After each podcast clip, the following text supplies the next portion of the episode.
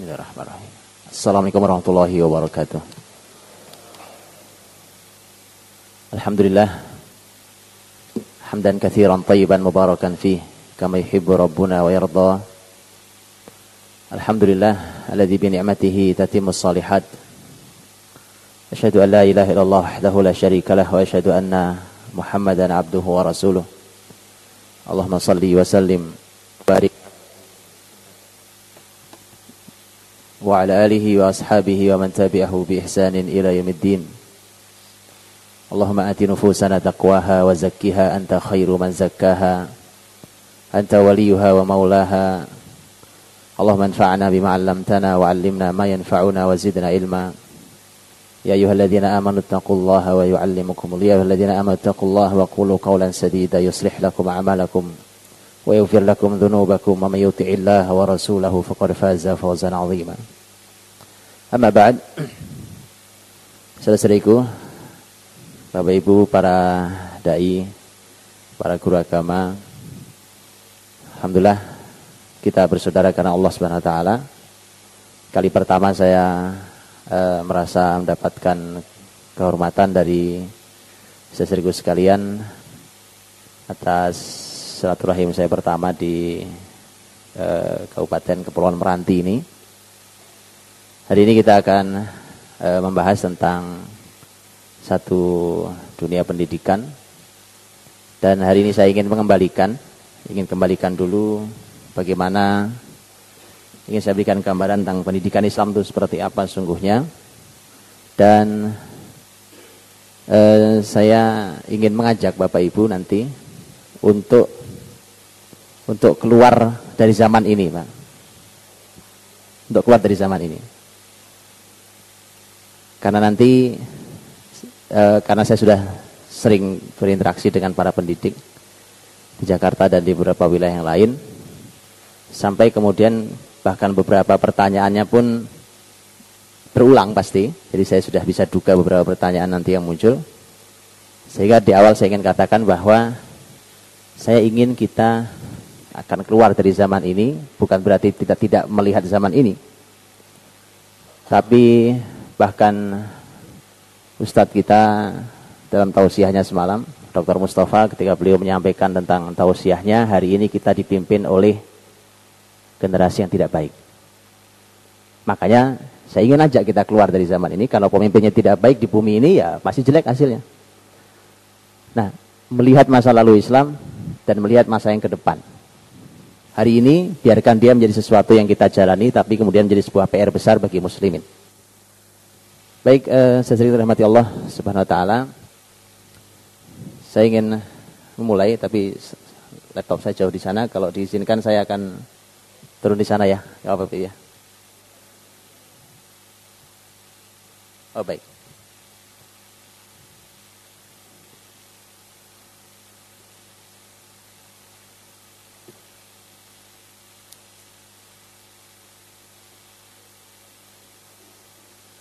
Masalah ya? Baik. Karena saya nggak duduk terus ini, Pak.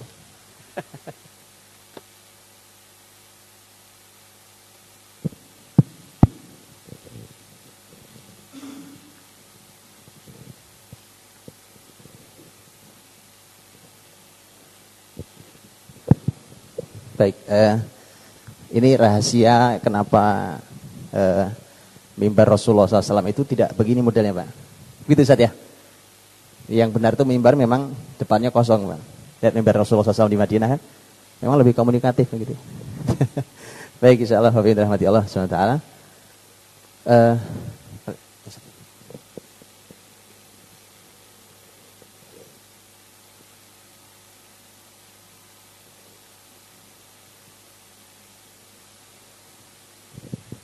sekilas ya, ini sekilas dulu karena Supaya kita bangun dulu Pak. Karena nanti kalau kita saya sampaikan langsung gitu. Pokoknya gini. Hafal Quran 30 juz. Biasa Pak. Kita ingin lihat dulu kalau kalau seorang dokter ingin mengobati pasien Pak. Supaya pasien sadar bahwa dia perlu sembuh. Itu kasih tahu sakitnya Pak. Dengan cara bijak insya Allah gitu ya. Dengan cara bijak. Dia kasih tahu dulu diagnosanya, analisanya, baru nanti diberikan obat yang sesuai dengan uh, penyakitnya. Kita ingin saya bangun dulu, kita lihat dulu seperti apa sebenarnya keadaan pendidikan kita hari ini. Kita ini sebenarnya siapa guru besarnya Pak? Di dunia pendidikan kita. Sekali lagi saya tidak menyebut itu mau sekolah negeri, mau sekolah agama, di bawah Kemendiknas, di bawah e, Kementerian Agama, di bawah, saya, saya tidak sebut itu siapa pun. Bahkan yang dilabeli Islamic School atau International Islamic School, bukan itu. Pembahasan kita bukan label, tetapi kita bicara tentang sebuah konsep. Di mana pun konsep itu dijalankan, nanti kita akan lihat. Jadi siapa sebenarnya guru besar pendidikan kita hari ini Pak? Kita melihat Pak. Nanti konsep-konsepnya kita akan, kalau Bapak Ibu guru dan para pendidik nanti kita akan bisa koreksi gitu. Ini konsep ini islami atau enggak sebenarnya. Jujur saja kalau tidak islami ya sudah.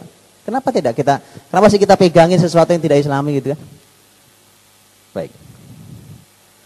Ini saya tidak bahas biografinya, biarkan dia begitu saja. Saya nggak bahas biografinya e, perlu diketahui nama-nama mereka ini nanti dimunculkan di semua lembaga e, di sebuah kampus-kampus pendidikan.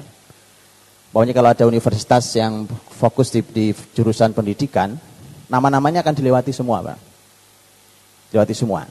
Setelah itu konsepnya akan diajarkan dengan semua turunan konsepnya. Saya lihat, saya kasih contoh, pokoknya ini sekilas saja cepat saja.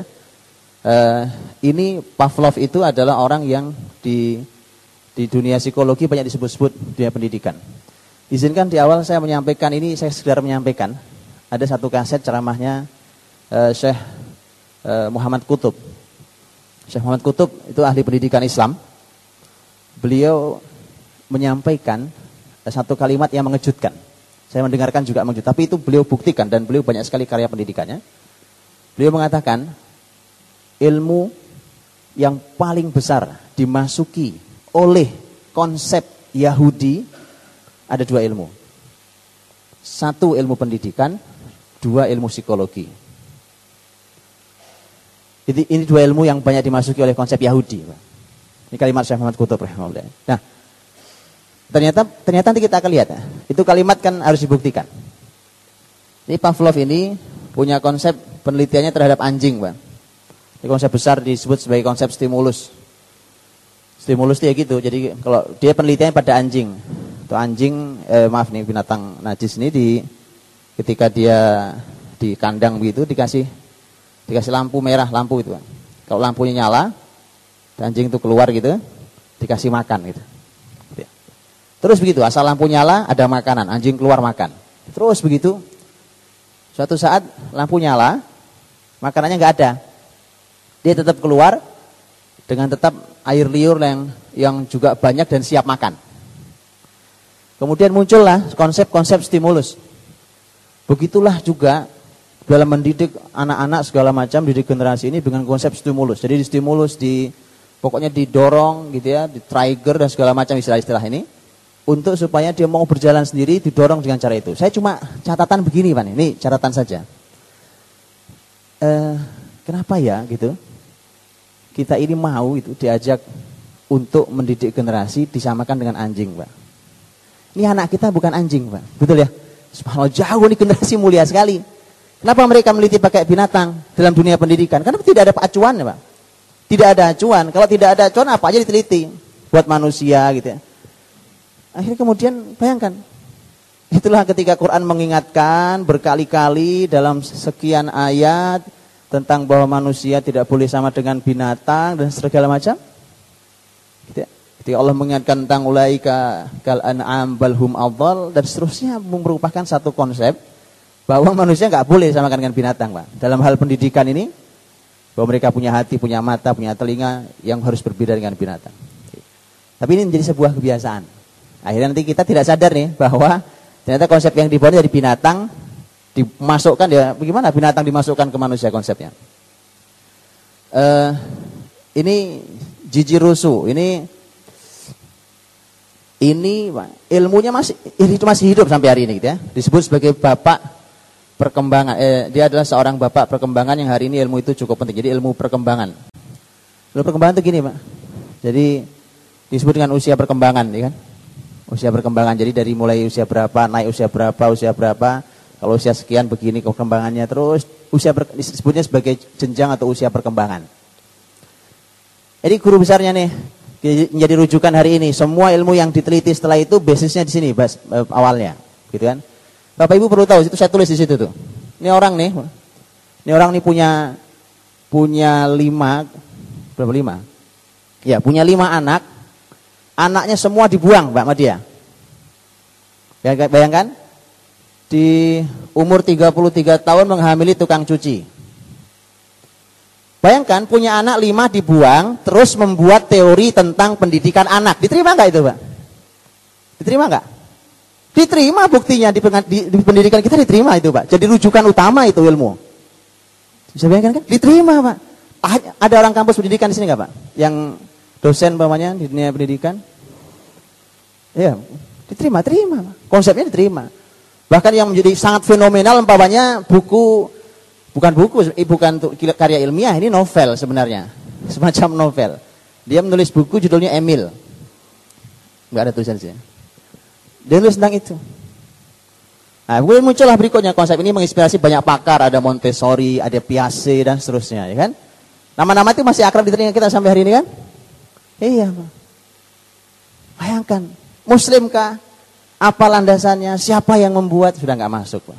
Saya terkesan sekali dengan sampaikan oleh Ustadz kita, Dr. Mustafa ketika beliau sampaikan itu, namanya kebaikan itu harus diajarkan oleh orang yang baik juga. Mustahil Pak, kalau kebaikan itu tidak diajarkan oleh orang yang baik sampai ke masyarakat. Ini orang yang pernah membuang anaknya sendiri, terus bikin teori tentang pendidikan anak. Tidak masuk Pak. Dalam Islam tidak masuk sekali. Tapi terpaksa itu sekarang menjadi ilmu kita. Nggak ya kita kita bangun dulu nanti belakangan itu biar kita bangun dulu masuk Pak. SD, sekolah dasar. Ini pendirinya Pak, Pestalozzi. Ya, ketika lihat bawahnya, dia buat penelitian segala macam, kemudian eh, tempat ini ya mengembangkan idenya, integrasi dari kehidupan rumah, vokasional, eh, pendidikan untuk membaca, menulis, terus Pestalozzi itu orang yang tidak suka dengan hafalan. Baik. Di mana ada SD, sekolah dasar, yang target hafalan Qur'annya 30 juz. Ini SD biasa Pak, bukan pesantren. Saya nggak bicara pesantren. Karena ini SD. Gak usah 30 juz Pak, separuh. 15 juz. Gak usah 15 juz. Berapa Ustaz? 10 juz. Eh enggak, kebanyakan, kebanyakan Pak. 5 juz. Gak usah 5 juz Pak. Kebanyakan, nampaknya kebanyakan juga 5 juz nih. Kenapa? Pendiri awalnya tidak suka dengan hafalan. Ini bukan muslim, Pak. Bukan muslim. Tidak ada tidak ada anjuran untuk menghafal Injil. Kalau Quran jelas. Jelas. Quran itu nanti kita akan lihat detail angkanya, datanya segala macam dalam sejarah Islam. Dari, dari situlah kemudian kita mulai segalanya. Yang selama ini cuma jadi jargon kita gitu bahwa Quran, Quran, pedoman hidup, pedoman hidup itu jargon, Pak. Ya, jadi semboyan-semboyan yang belum dibuktikan. Kenapa? Pendiri awalnya nggak suka hafalan. Hari ini saya saya selalu ceritakan ini karena saya cukup terkejut, Pak. Suatu saat saya kumpul dengan satu sekolah besar eh, pendidikan. Jadi ini pendidikan Islam karena saya bicarakan Islam karena ditulis di situ Islam. Yayasan Pendidikan Islam. Dari TK, SD, SMP. Waktu saya datang sudah ada SMP Islamnya. Diskusilah saya khusus dengan guru dan yayasan sekolah itu karena mereka ingin mendapatkan berbagai macam hal tentang pendidikan Islam. Ini jauh-jauh waktu itu saya ke Jawa Timur. Kemudian ada pertanyaan yang unik dari salah seorang gurunya. Begitu saya selesai menyampaikan, inilah konsep pendidikan Islam secara singkat. Kemudian ada yang menyampaikan, ada seorang guru perempuan angkat tangan nanya, Pak. Saya mau tanya Ustaz. Saya bilang silakan Bu uh, begini Pak, uh, uh, bagaimana Pak ya? Sebentar Pak, begini begini Pak. Uh, gak keluar keluar tuh pertanyaan Pak. Gak keluar keluar. Saya bilang Ibu silakan. Iya gini Pak, gimana ya? Saya gimana bilang ya Pak ya? Gak keluar pertanyaan Pak. Iya betul nih. Temennya di sampingnya perempuan, Pak boleh saya bantu? Eh, silahkan, ibu tahu memang pertanyaannya. Iya tahu tadi si diskusi sebelum bertanya ini. Oke silahkan Bu. Ini yang sampingnya Alhamdulillah bisa membantu. Nampaknya berat di hati ibu itu. Berat sekali, saya bisa rasakan itu. Nah, temannya bantu. Pak, menurut konsultan pendidikan kami di sini, menghafal itu tidak ramah otak. Menghafal itu tidak ramah otak, apalagi buat anak-anak usia awal, TK, SD kelas 1. Ada yang pernah dengar konsep ini kan? Betul ya? Ini sayangnya tidak pernah dianalisa, Pak. Nggak pernah diteri, nggak pernah kita cek dulu betul nggak secara Islam dari mana sumbernya konsep ini, segala macam tuh. Ini sumbernya nih orangnya. Ya kan? Memang pendiri awalnya nggak suka dengan hafalan. Nanti kita buka, Pak. Bagaimana bagaimana menghafal itu merupakan konsep awal dalam pendidikan Islam. Menghafal itu sebelum menganalisa. Makanya perhatikan hari ini ketika generasi kita, Pak, nggak ada yang ilmunya, nggak ada di otaknya sini Gitu nggak ada di hatinya kalau ilmunya kata kalimat Imam Syafi'i, gitu nggak ada dalam hatinya ilmu itu.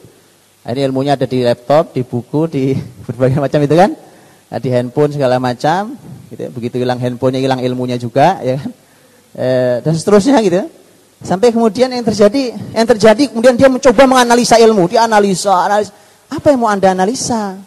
Ya mohon maaf nih Pak, mohon maaf. Satu saat duduk nih di kelas begini, yang duduk anak-anak teman-teman saya waktu itu ada di situ juga ada teman-teman S2, S3, pembimbingnya seorang profesor. Saya udah gergeten nih Pak, udah hampir dua jam. Hampir dua jam kita diskusi membicarakan sesuatu yang Masya Allah nggak ada gunanya. Tidak ada gunanya, bukan bukan ilmu, ilmu tapi nggak ada gunanya dibahas. Kenapa? Ini masih mau coba membahas ini kira-kira seperti apa, kalau dibahas begini, ilmu begini. Saya udah gergetan, saking gergetannya nggak bisa bicara Pak. Kemudian udah meledak-ledak di hati saya, saya kurang, kurang lebih 15 menit sebelum selesai saya bilang, boleh saya bicara Prof? Silakan.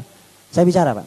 Saya bilang, maaf nih, hampir dua jam kita duduk di sini, yang kita bahas hari ini, yang kita perdebatkan hampir dua jam di sini, sudah selesai dibahas oleh para ulama dulu, baik pertanyaannya, jawabannya, bantahannya lagi, jawabannya lagi, idenya berikutnya, semua selesai. Saya tunjukkan literaturnya kalau Anda mau. Saya begitu Pak, ini mohon maaf kadang-kadang bahasanya agak tinggi. Kenapa? Karena kadang-kadang kita membuang sesuatu yang tidak ada gunanya, menganalisa sesuatu di sini nggak ada. Dalam diri kita nggak ada ilmu itu. Itu kita analisa, kita analisa.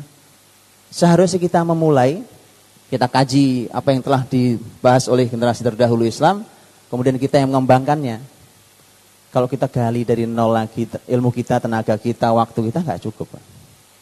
Nah ini yang, yang terjadi kemudian karena tidak ada hafalan dalam diri kita terus dianalisa. Ini efeknya begini. Ya, ini salah satunya kalau bahasa tadi dia mengatakan tentang uh, tidak suka dengan hafalan dan segala macam. Tahu kindergarten? Ah ini pendirinya. Biar kita tahu nih siapa guru besar pendidikan Islam sebenarnya hari ini. Islamic Kindergarten. Gak tahu ini gimana cara nyampurnya Ustaz. Gimana cara nyampur madu dengan racun saya nggak ngerti. Siapa yang mau minum? Wala talbisul haqqa bil batil wa taktumul haqqa wa antum ta'lamun. Saya tidak tahu caranya. Saya tidak anti dengan ilmu barat tidak, Pak. Tidak sama sekali. Ilmu itu bisa didudukkan, bisa dianalisa. Ada panduannya. Islam punya panduannya. Cuma tadi kita ini mari kita bangun kita bangun sebuah budaya ilmu sehingga kemudian kita tahu dari mana harus mengambil literatur itu. Ini ini ini kan ini ceritanya ini anak nggak keurus nih pak. Frobelnya anak nggak keurus. Bapaknya ahli agama, pendeta ini hati-hati juga peringatan buat para ustadz dai. Bapaknya itu pendeta, saking sibuknya nggak sempat ngurus anak. Ini jadi jangan jadi fenomena gitu pak. Kita ustadznya keliling ceramah gitu ya. ya. Keliling udah wayu orang, mengingatkan orang, perbaiki orang, tuh anak kagak keurus di rumah pak. Udah serahin aja sama Allah. Ustaz Allah bagaimana ceritanya? Udah gitu pakai ayat lagi dan nanti boleh tanya ke tafsir ke Ustaz nih. Jadi jangan sampai salah meletakkan ayat dalam sesuatu yang salah nih Pak. Intang surullah yang surkum wa yuthabbit aqdamakum. Kalau kalian tolong Allah, Allah tolong kalian. Kita kan lagi keluar nolong agama Allah nih biar anak kita nanti Allah yang ngurusi. Fenomena itu jangan sampai terjadi. Ini probably probably orang yang nggak diurus sama orang tuanya gitu ya. nggak diurus uh, ayahnya malah cenderung mengekang segala macam, akhirnya ada sebuah trauma, Pak. Trauma besar, trauma besar bahwa dia hidup dalam kekangan, bapaknya ketatnya minta ampun segala macam gitu ya. Akhirnya dia mencoba membuat konsep pendidikan. Nanti dia hidup bersama pamannya. Dia membuat konsep pendidikan yang suasananya selalu begini. Lihat paling bawah tuh. Di sinilah salah satu yang mengawali konsep bermain sambil belajar dan belajar melalui bermain. Bagus gak? Lu kok ketawa? Ini mulai bingung kita kan. Memang harus bingung Pak di awal. Supaya kita tahu. Betul, supaya kita tahu. Ini konsep awalnya. belajar sambil bermain, bermain eh bermain sambil ya bermain sambil belajar, belajar melalui bermain. Bagus, Pak?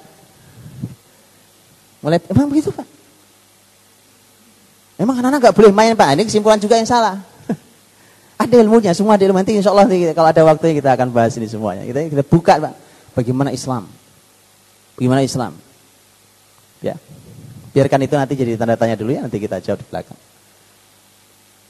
Ini malah yang disebut sebagai bapak pendidikan modern. Jadi pendidikan sebelum ini dianggap kuno. Baik, perhatikan tahun lahirnya, Pak. 1500-an kalau dalam sejarah Islam sampai mana? Ada yang tahu? 1500-an. 1400-an sekian apa 15-an lah kurang lebih. Kira-kira siapa yang sedang berkuasa di dunia, Pak? Turki Utsmani. Tepat, saat.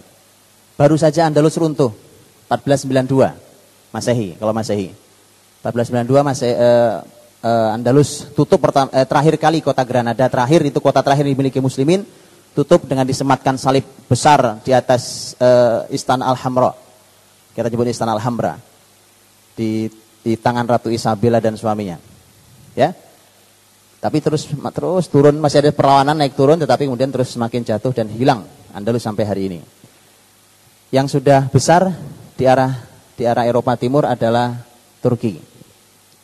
Yang kita kenal dengan Ottoman atau Turki Utsmani. Ya. Zaman itu, Kapan terakhir Turki Utsmani? Selesai secara de facto eh, secara de jure terakhir. Hilang 1924. Ya. 1924. Bayangkan Pak, 1924. Ini orang tuh lahir baru 1592. Disebut bapak pendidikan modern. Islam masih berkuasa lama itu Pak. Itu dilemparin cekoi di otak kita. Masukin. Masukin dalam hati kita gitu. Subhanallah. Saat itu Pak, Indonesia punya peran-peran besar di dalam Kesultanan Turki Utsmani. Silahkan dibaca sebenarnya. Ini juga nggak masuk nih di kita pelajaran sejarahnya. Gitu ya. Apa peran besar Indonesia ketika Islam berkuasa di zaman Ottoman umpamanya? Oh, udah gak ada yang masuk. Padahal itu luar biasa, Pak. Peran besar Nusantara apa eh, Indonesia ini sangat luar biasa. Ini yang dianggap sebagai Bapak pendidikan modern. Saya tunjuk lihat kurikulumnya sekarang, Pak. Saya mau tanya pendapatnya ya. Lihat kurikulumnya A, A B C itu ya. A. Segala sesuatu perlu dipelajari berdasarkan metode ilmiah. A. B. Jika tidak paham dengan ilmu yang ilmu berkaitan maka berpikir secara rasional. Jadi kalau metode ilmiah nggak bisa memecahkan, udah dibuat logika saja. Kira-kira logikanya begini kurang lebih begini. Diteliti belum bisa. Jika tidak ditemui juga, maka manfaatkan ayat kalau dia bilangnya ayat Allah karena bukan muslim, ayat Allah dalam Alkitabnya. Ya. Biasanya kalau dibawa ke Islam tinggal diganti ayat Allah dalam Al-Qur'an. Baik. Bagus kan? Tiga konsep ini bagus, Pak. Telit, ini ada sesuatu nih Pak, bicara apa ya, Pak, tentang sebuah tema nih. Eh, pakai teliti secara ilmiah. Teliti ilmiah nggak ada, logika Pak, kita mainkan logika. Logika tidak juga, udah buka kitab suci. Bagus? Bagus kan? Bagus ya? Mulai mulai takut jawabnya nih. mulai khawatir jawabnya Pak. Harus ini yang saya inginkan Pak. Orang harus mulai khawatir menerima, ilmu bukan dari muslim. Pak. Bayangkan bukan bagaimana kita lihat surat Al-Hujurat bukan ini bukan orang kafir, bahkan ayatnya mengatakan fasik. Ya kan? Ya ayyuhalladzina amanu in ja'akum fasiqum binaba'in fatabayyanu. Bayangkan fasik, fasik itu bisa jadi muslim, bisa jadi muslim, tapi fasik itu orang rusak. Itu saja kalau dia membawa sebuah sebuah berita harus tabayun. Ini bukan cuma berita Pak, ini sebuah ilmu besar. Gitu ya, dari orang kafir pula harus mulai hati, emang harus hati-hati. Jadi kalau hari ini sudah mulai agak khawatir jawabnya, oke okay, Pak, gitu ya. Gak apa-apa, oke. Okay. Tapi saya boleh nanya nih, kira-kira gimana? Kan tidak semua ilmu orang kafir juga salah Pak. Quran juga menyampaikan itu. Waktu ini, waktu Al-Quran mengisahkan tentang Nabiullah Sulaiman alaihissalam dalam surat An-Naml dengan dengan Ratu Sabah itu Ya. Begitu Ratu Sahabat dapat surat dari Sulaiman, innahu min Sulaiman wa innahu bismillahirrahmanirrahim alla ta'alu alayya wa'tuni muslimin. Itu surat ini surat Sulaiman. Kan tuh ratu ngumpulin ini Pak, mengumpulkan staf negaranya ya kan? Begitu dikumpulkan staf negaranya, uh, kan minta pendapat. Ini kira-kira gimana nih? Saya disuruh nyerah ke Sulaiman, gitu kan? Maka dia minta pertimbangan. Akhirnya muncul kalimat, Innal muluka idza dakhalu qaryatan afsaduha wa ja'alu a'izzata ahliha adillah. Para raja itu biasanya kalau masuk sebuah negeri cuma merusak saja dan menjadikan masyarakat yang tadinya mulia jadi hina. Berhenti kalimat di situ. Allah tutup dengan ayat, dengan kalimat wa kadzalika yaf'alun dan memang begitulah biasanya mereka berbuat.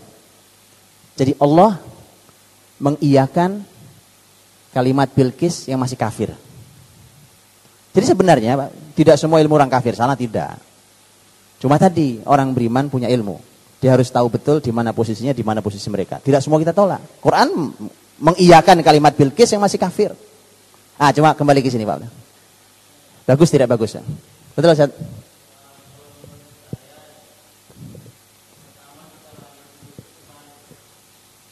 Kebalik, Ustaz. C jadikan A, luar biasa. C jadikan A, maaf, A jadikan B, B jadikan C. Baik.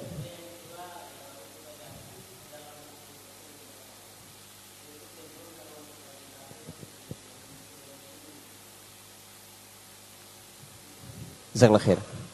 Luar biasa. Lihat, lihat bagaimana beberapa waktu ini, kita hanya beberapa menit kita di awal, kita bisa menghadirkan, mengoreksi sesuatu. Harus dilatih, Pak.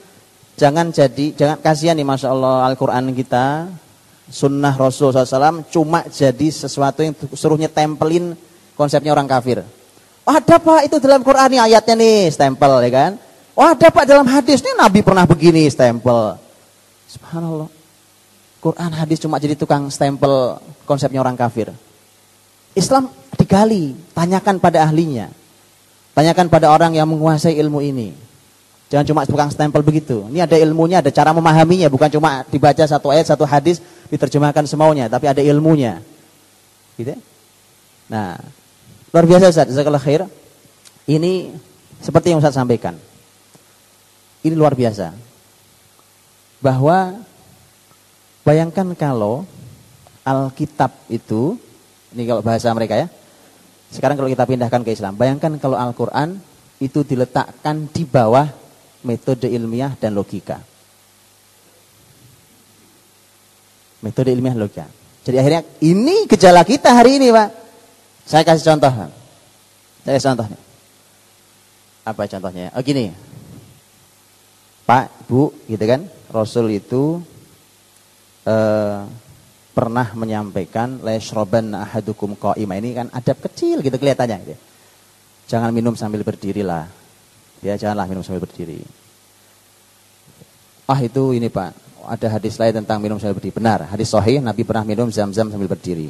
Makanya tadi saya bilang, serahkan pada ahlinya, para ahli sudah menganalisa itu terus keluarnya apa? Hukum itu. Baik. Kemudian begini Pak, saya kasih contoh.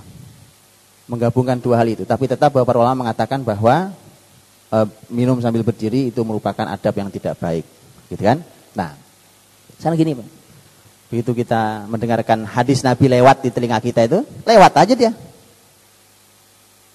Berbeda ketika dibilang gini, Pak, ada penelitian. Menurut penelitian, ternyata ginjal kita ini ada satu selaput, Pak. Itu kalau kita duduk gini nih, gitu, otomatis dia nutup, gitu. Kalau kita berdiri, otomatis buka. Bayangkan ketika air yang kita minum itu tidak sehat, ada racunnya, ada zat apanya, apalagi begitu. Begitu kita minum sambil duduk, tak gitu ya. Kita minum sambil duduk tuh, dia menutup tuh, sehingga dia tidak masuk ke dalam ginjal kita. Sehingga ginjal itu sehat. Selesai itu kita berdiri lagi. Oh gitu ya Pak ya, luar biasa itu. Besok kalau gitu, mulai besok saya minum sambil duduk Pak. Kenapa harus nunggu penelitian, Pak? Gitu loh ya. Kenapa harus nunggu konsep ini datang kalau diteliti ilmiah baru saya percaya Allah dan Rasulnya? Kan salah fatal ini, Pak. Gara-gara konsep ini. Gara-gara konsep ini. Itu banyak, silakan. Banyak itu kan. Tak tahajud, Pak. Wa minal laili fatahajjad bihi nafilatan lak asa yab'atsaka rabbuka maqaman mahmuda. Ya ayyuhal muzammil qumil laila illa qalilan nisfahu aw inqus minhu qalilan seterusnya. Ayat dibaca tentang qiyamul lail, Pak. Bacakan ayat hadis tentang qiyamul lail luar biasa. Lewat, Pak. Ada buku. Pak, ada penelitian, Pak. Di dunia kedokteran. Ini salah penelitian yang bicara tentang masalah otak saraf kita ini, wah cerita tentang itu Pak. Itu Pak kalau kita sujud, apalagi di waktu itu malam hari itu otak, saraf itu bekerja begini caranya, begini, begini, begini. Saat itu saraf mulai bangkit hadir Pak. Dia baru bangun. Terus dia tumbuh semakin besar. Saat itu sudah dimanfaatkan. Baru kita, besok Pak saya mulai Pak. Sehat mulai ternyata Pak. Kenapa ya? Kenapa terpola ini Pak? Terpola oleh ini. Kalau belum ada penelitian belum mau terima kita. Ayat Allah, hadis belum kita terima. Teliti dulu Pak. Baru saya percaya ke mana iman. Ke mana nih iman kita. Gitu kan? Lihat bagaimana konsep ini tidak ada yang salah, tapi salah urutan bermasalah. Makanya nanti salah satu konsep hebat dalam pendidikan Islam adalah jangan salah urutan. Ini salah satunya. Salah urutan fatal Pak. Saya kasih contoh paling sederhana. Saya guru matematika umpamanya gitu ya. Masuk nih, saya di anak kelas 1 SD. Assalamualaikum anak-anak. Waalaikumsalam Pak. Eh, uh, hari ini kita akan belajar tentang uh, pembagian akar kuadrat. Itu anak kelas 1 SD Pak. Bapak ngomong apa ya Pak? Kenapa? Salah urutan. Salah urutan tuh? Saya masuk ke fakultas matematika Pak. Assalamualaikum. Oke, saya Hari ini kita belajar. Satu tambah satu berapa? Dua. Satu tambah tiga berapa? Dua. Oke. Empat kurangi satu berapa?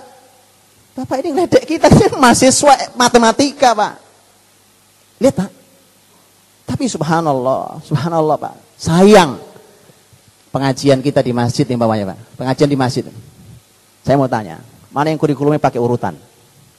Ilmu apa dulu, baru ilmu apa, baru ilmu apa, baru ilmu apa? Mana yang harus dimulai, mana yang harus dibelakangkan, mana yang harus diakhirkan. Di usia berapa, usia berapa, usia berapa. Itu pengajian. Apalagi di sekolah, harus nggak pakai pak. Urusannya sekolah, urusannya pembelajaran agama. Tuh. Ada pak urutannya, nanti kita lihat. Betul nggak tuh urutan? Betul nggak tuh urutan nanti kita lihat. Baik. Masih ada? Cukup. Ini penguat aja pak, ini hadis Nabi tak ternyata. Ya Allah, ini hadis cocok banget dengan tema pendidikan kita termasuk hari ini. Ini hadis sering kita dengar. Begitu tadi kita bahas baru kita lebih dalam lagi rasanya memahami hadis ini. Ya kan? Kata Nabi la tattabi'unna sunana man kana qablakum. Nah, wal quddat bil quddah. Kalian ikuti pasti itu jejak mereka itu sejengkal demi sejengkal, uh, sehasta demi sehasta. Hatta law dakhalu juhra dabbin la dakhaltumu. Bahkan kalau mereka masuk ke lubang biawak pun kalian ikut masuk ke dalamnya itu kan gak ada manfaatnya dan bisa membahayakan gitu pak. Tapi karena mereka yang modern di sini pak ikut, maju lagi maju. Gitu. Baik. Saya sahabat bertanya, al Yahud wan Nasara ya Rasulullah, apakah mereka Yahudi dan Nasrani? Kata Nabi, waman, siapa lagi? Ya mereka itu yang kalian ikuti. Kerasa pak ya? Tadi sih gak ada yang Muslim satupun. Tadi itu gak ada satupun yang Muslim. Ya, kalaupun tidak Nasrani diduga Yahudi. Gitu. Kalau tidak Nasrani diduga Yahudi, jadi tidak ada yang Muslim. Terasa itu pak sekarang kita. Tuan? Baik Pak, sudah berapa menit ini Pak? Ini buat supaya bangun Pak. Supaya bangun dulu. Ya. Berpindah Ustaz.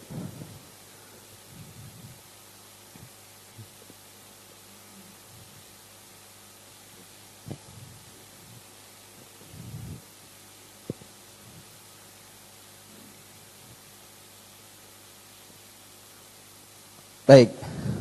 Kita mulai kita bicara Islam, kita bicara tentang pendidikan Islam, pendidikan Islam, apa pun bicara tentang Islam itu panduannya jelas dua, Pak. Quran, Sunnah, jelas panduannya. Setelah itu para ulama akan menjelaskan sampai menghasilkan banyak sekali ilmu.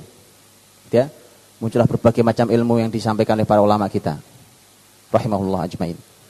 Ini ayat dalam surat Al-A'raf 157. Sebelumnya saya mohon maaf, apa yang saya kirimkan itu tidak ada di sini semua. Karena kalau saya menyampaikan apa yang Bapak Ibu baca yang saya sudah kirimkan tentang kutab, ya saya nggak usah datang ke sini kan. Ini semua nggak ada di situ, itu nggak ada di sini. Jadi biar Bapak Ibu dapat dua. uh, Al-A'raf 157. Allah Subhanahu wa taala berfirman, nanti kita urai ayat ini, alladzina yattabi'una ar-rasulan nabiyyal ummiyal ladzi yajidunahu maktuban 'indahum fit Taurati wal Injil ya'muruhum bil ma'ruf wa yanhahum 'anil munkar wa yuhillu lahum at-thayyibat wa yuharrimu 'alaihimul khaba'ith wa yad'u 'anhum israhum wal aghlal allati kanat 'alaihim falladzina amanu wa 'azzaru amanu bihi wa 'azzaruhu wa nasaruhu wattaba'un nural ladzi unzila ma'ahu ulaika humul muflihun Ayat ini kita akan urai, Bang.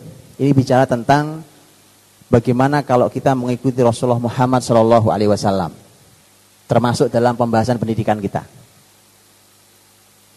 Kita lihat, ini muncul pertama, karena tadi orang-orang yang mengikuti Ar-Rasul An-Nabi Al-Ummi, Rasul Nabi yang ummi. Kita tahu arti ummi adalah e, buta huruf, tidak bisa baca Al-Quran, eh, tidak bisa baca tulis, maaf alladhi yajidunahu maktuban indahum fit wal Injil yang mereka menjumpai nama nabi itu tertulis dalam Taurat dan Injil. Jadi jelas, Pak. Sampai hari ini bahkan Muhammad Nabi Muhammad SAW itu tidak bisa dihapus bahkan dari Injil yang diakui resmi oleh oleh gereja hari ini. Mereka tidak bisa menghapusnya itu. Ya. Nah, seperti apa mereka? Mereka generasi yang mengikuti itu, mereka seperti apa? Pertama ya muruhum bil ma'ruf, menyuruh kebaikan. Ini juga sudah dibahas eh, oleh uh, Ustaz Dr. Mustafa. Yanhahu manil mungkar, mencegah kemungkaran. Terus eh, wa yuhillu menghalalkan yang baik, wa yuharrimu alaihimul khaba'ith, mengharamkan yang buruk, wa anhum israhum wal aghlal allati kanat alaihim, membebaskan beban dan belenggu. Ya, wa taba'un nur, mengikuti cahaya. Ulaika humul muflihun, mereka lah orang-orang yang al-falah yang dijelaskan juga semalam. Baik, Bapak Ibu rahmati Allah. Untuk dunia pendidikan, ini kan mengikuti Rasul Muhammad SAW itu kan berarti dalam semua hal. Termasuk dunia pendidikan. Maka silahkan berpikir berbalik sekarang. Silahkan berpikir berbalik. Kalau, kalau konsep pendidikan Rasulullah Muhammad SAW tidak diikuti, yang terjadi akan terbalik semuanya. Kan begitu. Justru kedatangan Nabi Muhammad itu kan untuk mencerahkan bumi saat yang saat itu sedang jahiliyah, gelap, e, kezoliman, kejahatan, kerusakan, berbagai macam kehancuran sistem dan segala macam. Datang Rasulullah Muhammad SAW. Gitu kan? Nah maka ini akan terbalik Pak. Semua akan terbalik. Ketika sistem pendidikan itu tidak mengikuti Rasulullah Muhammad SAW yang terjadi Bukan kebaikan yang mereka suruh, mereka saling menasihati untuk berbuat kemungkaran. Begitu ada kemungkaran terjadi, mereka rame-rame itu, saling mendukung segala macam, kan? Begitu ada kebaikan, mereka saling mencegah, ah nggak usah pak, itu nggak usah, nggak terlalu penting lah itu di dunia pendidikan. Oke? Okay? Eh, wa wa begitu? Yang baik yang baik menjadi haram, yang haram menjadi diizinkan. Wa yata'u anhum israhum wal aglal lati kanat alaihim. Akhirnya pendidikan itu penuh dengan beban, Pak. Beban. Bebannya luar biasa, sulit sekali. Jadi guru Masya Allah, susahnya, ya kan? Udah pulang, kalau pulang ke rumah tuh Bapak Ibu guru udah mukanya udah kusut gitu, udah lelah gitu kan. Kenapa? Sudah kurikulum berat, ya kan? E, anaknya nakal-nakal, umpamanya gitu ya. E, apalagi ada masalah lagi sekolah, segala macam persaingan antar guru, tidak ada yang islami, Pak. Tidak ada yang islami itu. Pulang udah kusut semua itu guru. Tidak ada hadir dalam hati yang cerah, hati penuh iman bercahaya. Karena setelahnya adalah kalimat cahaya. Ya. Kemudian pulang juga tidak membawa cahaya. Akhirnya terjadi pasti. Bagaimana kegelapan menghadirkan cahaya itu? Anak-anaknya yang terjadi juga sama. Anak-anak didiknya pun sama. Dari SD sampai kampus juga sama. Bapak ibu gurunya gelap, anaknya juga gelap. Ya? Oh iya, Pak. Karena karena ini efeknya. Susah jadi guru. Ya, karena tidak ikuti konsep Islam. Saya kasih contoh nih, Pak, yang langsung aplikatif. Saya kasih contoh. Bapak Ibu sekarang umpamanya belajar tentang manajemen kelas. Manajemen kelas itu susah apa gampang, Bu? Bisa apa gampang, Bu? Duduknya harus begini, Pak. Meja kursi ini posisi ini. Anak-anak guru harus tahu menganalisa umpamanya ini anak ini uh, umpamanya cenderung audio, ini cenderung visual, ini cenderung kinestetik, ini Oke, Pak, ini harus dipisahkan masing-masing, ya kan? Sebelum supaya senang, kasih ice breaking dulu. Gitu. Ribet amat orang mau belajar. Pak. Mengapa? Asal konsep itu tidak dari Islam, yang ada kita mengembalikan beban dan belenggu di pundak kita. Pak. Justru hadirnya Rasulullah Muhammad SAW itu untuk melepaskan semua beban itu. Dalam semua konsep kehidupan. Bukan hanya pendidikan, ini pendidikan salah satunya.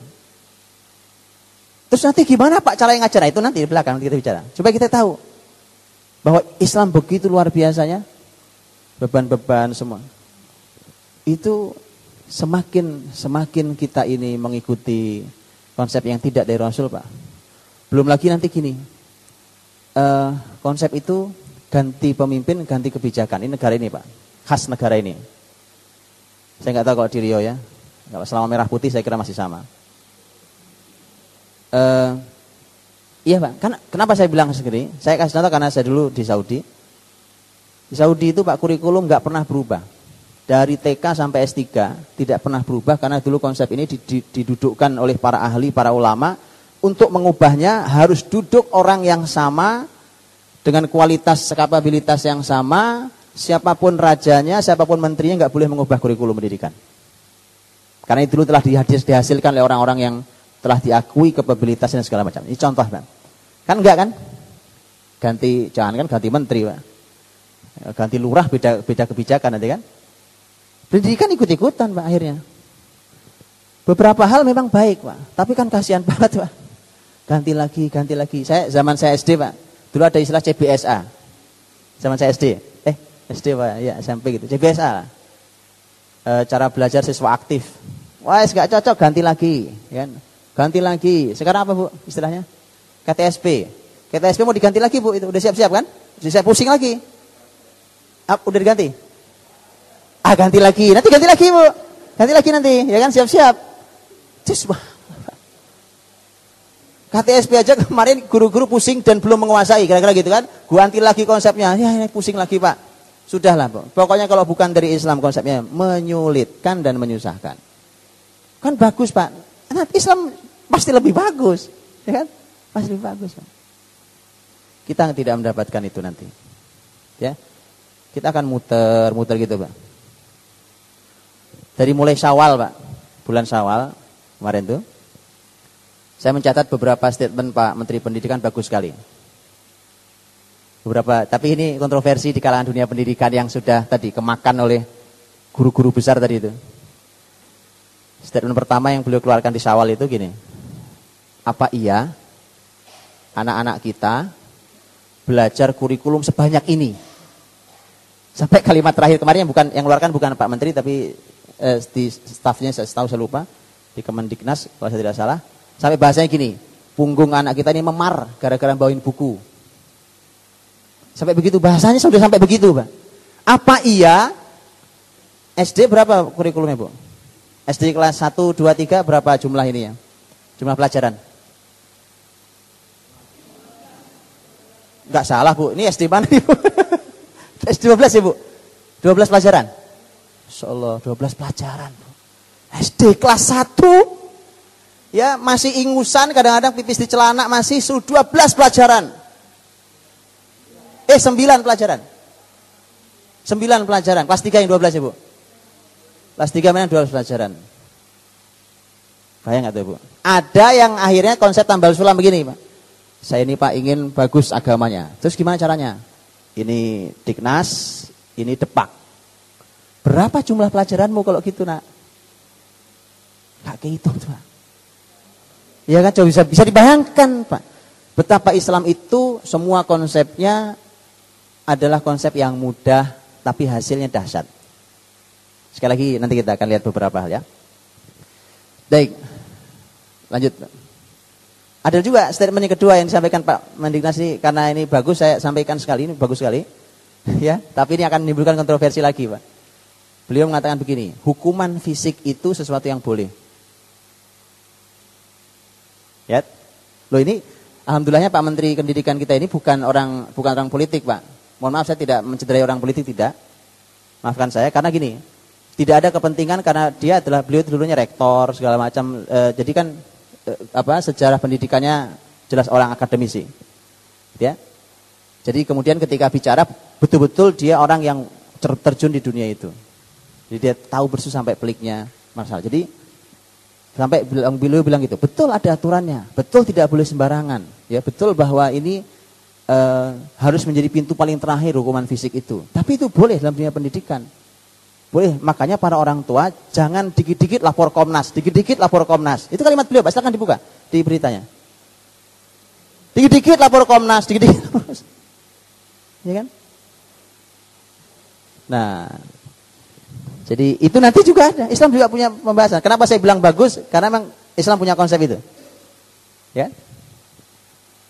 Oh, ini uh, ini berbicara tentang bahwa ternyata lengkapnya Islam itu luar biasa, Pak. Kita sudah sampai dikasih gambaran gambaran besar tentang visi besar. Kalau ditanya gini, Pak. Oke, okay, Pak. Sebenarnya nih kita nyekolahin anak sampai S3 umpamanya atau S1 lah paling enggak atau SMA minimal umpamanya gitu ya. Emang targetnya apa sih? Target besarnya itu apa, Pak? Bapak Ibu kalau ngulehin anaknya, "Nak, kamu kuliah di mana? Di sini yang paling bagus apa gitu ya? Universitas apa?" Ini bagus-bagus, Nak. Kamu ambil jurusan ini bagus di universitas ini. Sebenarnya ada di otak kita nih apa nih, Pak, sebenarnya? Pekerjaan. Sepakat nih biasanya nih kalimat pekerjaan itu sepakat. Pekerjaan. Nah ini Pak, karena tujuannya kecil, maka pasti hasilnya lebih kecil. Itu pasti. Kerjaan kok kecil Pak? Kecil sekali. Urusan cuma nyari duit itu urusan kecil bagi muslimin. Betul Pak. Ini bukan masalah kaya atau miskin, bukan. Bukan kaya atau miskin ini. Masalah kaya miskin Allah yang memberikan rezeki. Allah yakbid wa yabsut. Allah yang menahan, Allah yang melebarkan terserah Allah Subhanahu wa taala. Tetapi itu urusan yang sekecil sekali. Kecil sekali, Pak dalam hidup ini. Kalau orang cuma pengen nyari duit pagi sampai sore, gitu ya. Ya Allah Pak berangkat pagi-pagi. Kalau Jakarta macetnya luar biasa Pak, gitu ya. Kemacetan yang melelahkan itu. Kalau di sini Alhamdulillah tidak ada kemacetan seperti Jakarta gitu. Kita sudah kasihan Pak, lihat keluarga-keluarga Jakarta kasihan sekali. Silahkan ditanya orang-orang yang tinggal di Jakarta, itu istri suami, ketemu suaminya kapan, kan? Itu anak-anak ketemu suami bapaknya kapan, ya. Itu ibunya di rumah. Bagaimana kalau ibunya ikut keluar rumah? Kebayang gak tuh kapan tuh keluarga ketemu? Begitu ketemu udah loyo, udah lesu, sudah lelah dengan semua masalahnya, udah tinggal meremnya aja, diajak ngomong udah melongo, nggak nyambung gitu kan? Ya memang begitu. Memang keadaannya sangat sangat rumit seperti itu. Nah, jadi kita bicara tentang memang harus dibangun dari visi awalnya besar gitu, harus jelas. Dan subhanallah, Allah Akbar. Ketika Nabi menyampaikan itu semua lengkap untuk kita. Lengkap sekali untuk kita. Jadi kalau ada yang bilang, ini kan Islam itu global Pak, ini kan masa lalu. Ini perlu belajar lebih banyak lagi kita Pak. Kalau sejarah disebut masa lalu, masalah. Apalagi kalau Nabi disebut masa lalu. Ya, Ini kan zaman dulu Pak, waktu kendaraan masih kakinya empat. Onta, kuda. Sekarang kan kendaraan roda empat Wah ini zamannya sudah berbeda. Lihat kalimat zaman berbeda itu hati-hati Pak. Zaman sudah berbeda, hati-hati kalimat itu. Kalau Bapak Ibu belajar sejarah, belajar sejarah, Bapak Ibu akan menjumpai kalimat-kalimat para ulama itu. Tidak ada yang baru yang ada di bawah trik matahari ini. Mataharinya kan sama Pak ya? Sama ya? Zaman Rasulullah Muhammad kan juga itu mataharinya. Sebelum Rasul juga itu mataharinya. Tidak ada yang, tidak ada yang, yang tidak ada yang berbeda yang ada di bawah trik matahari ini. Apa maksudnya? Ini hukum sunatullah yang berulang. Kita nyebutnya sunatullah. Orang barat nyebutnya kadang-kadang hukum kausalitas, gitu ya, hukum sebab akibat. Kan kalau begini begini, kalau begini begini, kalau diulangi Pak jaya umat, kalau diulangi jatuh Pak umat. Itu kan sudah hukum kausalitas, Pak, gitu kan? Jadi zaman mana pun sama. Tidak menutup bahwa di zaman-zaman tertentu ada sesuatu yang berbeda, tapi konsepnya sama, Pak. Umpamanya begitu betul tadi. Zaman Nabi belum ada roda empat. Ya, tetapi fungsi roda empat adalah kendaraan seperti kaki empat tadi itu. Dengan fungsi yang sama maka akan kita bisa menganalisa hal yang sama. Nah, Bapak Ibu terhormati Allah SWT, Rasul sudah menggambarkan tentang visi besar sekali. Ini hadis sahih riwayat Imam Ahmad rahimahullah. Imam Ahmad menyampaikan hadis ini dan ini langsung lisan Nabi yang menyampaikan ya. Harus kita ketahui bahwa ini langsung Rasul yang menyampaikan sallallahu alaihi wasallam. Kalau yang saya merahin itu ada ada tulisan uh, khilafah alamin haji nubuah, yang kedua ada khilafah alamin haji nubuah, itu dua dua kalimat yang diulang oleh Rasul dalam satu hadis beliau. Ya. Nabi menyampaikan lima urutan zaman. Khilafah alamin haji nubuah, mulkan aldon, mulkan jabriyah. Eh, eh, sebelumnya Nabi menyampaikan nubuah, maaf. Nubuah, khilafah alamin haji nubuah. Kemudian mulkan aldon, mulkan jabrian, baru kembali khilafah alamin haji nubuah. Para ulama hari ini mengatakan bahwa kita ada di fase empat. Para ulama menganalisa kita ada di fase empat, fase mulkan jabriyah yang artinya bahwa negeri ini, bumi ini dipimpin dengan tangan besi dipimpin dengan diktator sekali. Pemimpin yang berkuasa di muka bumi terserah mau ngapain mereka, gitu ya, itu terserah. Jadi kalau di Indonesia pemilu berjalan dengan baik itu dipuji, tapi kalau pemilu itu berjalan dengan baik di Palestina dikudeta. Eh, begitu itu itu terserah yang punya pokoknya, terserah yang punya bumi sekarang, artinya yang yang mimpin bumi sekarang ini gitu kan. Yang oleh Ustaz Mustafa semalam disampaikan tidak baik gitu. Ya. Jadi di yang pertama itu khilafah min nubuwah kita lihat. Ya. Nah, min nubuwah yang ke bawah juga khilafah min nubuwah. Satu lagi hari. Oke. Lanjut. Nah, kalau yang atas itu sahabat, mah. Karena setelah fase nubuah, pas sahabat. Sahabat yang oleh Nabi disebut sebagai generasi kekhilafahan. Khilafah itu adalah kebesaran Islam dengan satu kepemimpinan. Dulu zaman sahabat, mana pun negerinya, pemimpinnya ibu kotanya di Madinah dulu. Berganti-ganti Abu Bakar wafat ganti Umar Umar wafat ganti Utsman Utsman ganti Ali radhiyallahu anhu. Ditutup dengan masa Hasan radhiyallahu anhu ajmain. Uh, nah ini yang yang ini fase 5 nah, cuma pertanyaannya apakah itu kita yang punya? Apa kita yang berperan di sana? Apakah anak-anak kita? Tapi mau kita atau anak-anak kita atau tidak bersama anak, -anak kita ini tetap akan hadir Pak. Karena janji Rasulullah SAW jadi kalau kita tidak mau ikut mendidiknya dengan pola yang sama yang dihadirkan Nabi maka ini akan hadir, kebesaran Islam ini akan hadir bersama keluarga-keluarga yang lain, bukan dengan keluarga kita. Kan sayang. Ya. Nah, bayangkan kalimatnya sama. Lihat yang di atas khilafah min yang bawah juga sama kalimatnya. Kalimat yang sama itu ini karakter Quran dan hadis Nabi menginspirasikan bahwa caranya, metodenya, isinya, pembelajarannya, sistemnya segala macam harus sama. Harus sama. Karenanya dalam konsep pendidikan juga demikian, Pak. Harus sama. Dengan apa? Dengan yang pernah dihadirkan oleh Rasul ketika beliau mendidik para sahabatnya. Bagaimana nanti kita bahas ya. Lanjut. Nah, yang bawah ini beda lagi, Pak. Ini ada riwayat Ahmad ketika Nabi ditanya tentang Nabi ditanya tentang dua kota. Ayul Madinataini tuftahu awwala. Dua kota ini mana yang ditaklukkan duluan? Konstantiniyah atau Rumiyah, Konstantinopel atau Roma. Ya. Kalau Konstantinopel itu Istanbul sekarang. Dulu namanya Islambul, dulu namanya terus diganti jadi Istanbul. Dulu aslinya Konstantinopel ibu kota dari uh, Kristen Ortodoks uh, Bizantium, ini adalah Romawi bagian uh, timur. Uh, itu Konstantinopel itu berarti sudah selesai ditaklukkannya. Nabi menyampaikannya waktu Nabi masih hidup tentu, tapi itu baru bisa ditaklukkan oleh generasi hebat sekali di masa eh, Muhammad Al-Fatih tahun 857 atau tahun 1453 Masehi. 857 Hijriah atau 1453 Masehi.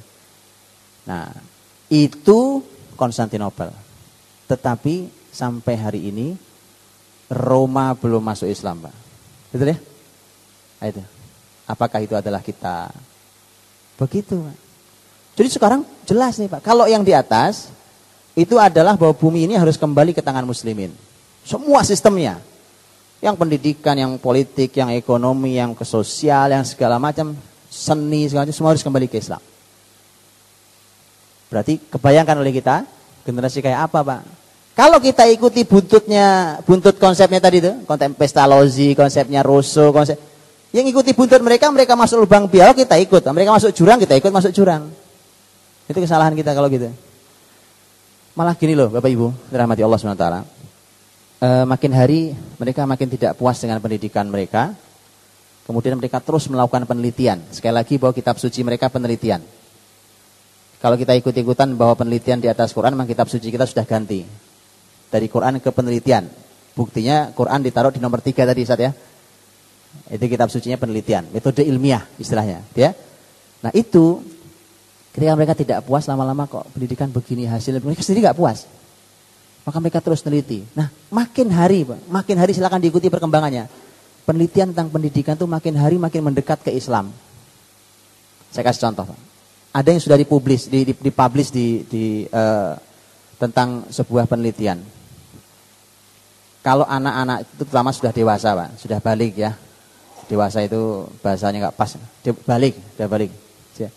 Dewasa itu bayangan kita umurnya 20, 17, 18 itu ya. Padahal balik itu dari umur berapa sekarang anak kita, Pak? Ya. Oke, anak sudah balik, Pak. Kalau sudah balik, dia sudah mulai suka ketertarikan dengan lawan jenis segala macam itu. Kalau sudah balik, sudah sudah mereka sudah harus sangat mengerti tentang konsep pemisahan laki dan perempuan, gitu kan? Itu jelas dalam Islam konsepnya, kita tahu. Maka di dunia pendidikan juga kelas laki perempuan mulai dipisah. Betul ya? Mulai dipisah.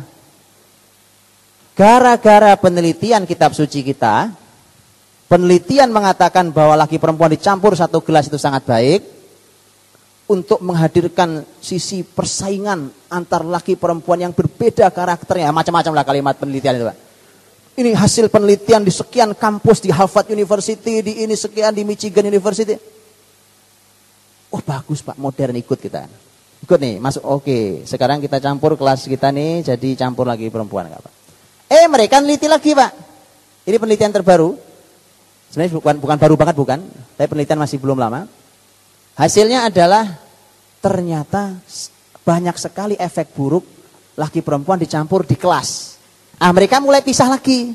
Eh dipisah, pisah deh lagi perempuan. Loh Pak kita ini muslim Pak. Muter-muter ngikuti buntut mereka gitu ya. Kalau kita bertahan di sini mereka balik ke kita Pak.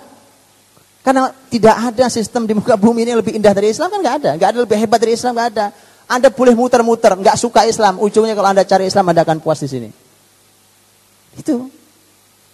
Mereka akhirnya misah kelas. Nah, kita belum misah kelas kan? Belum.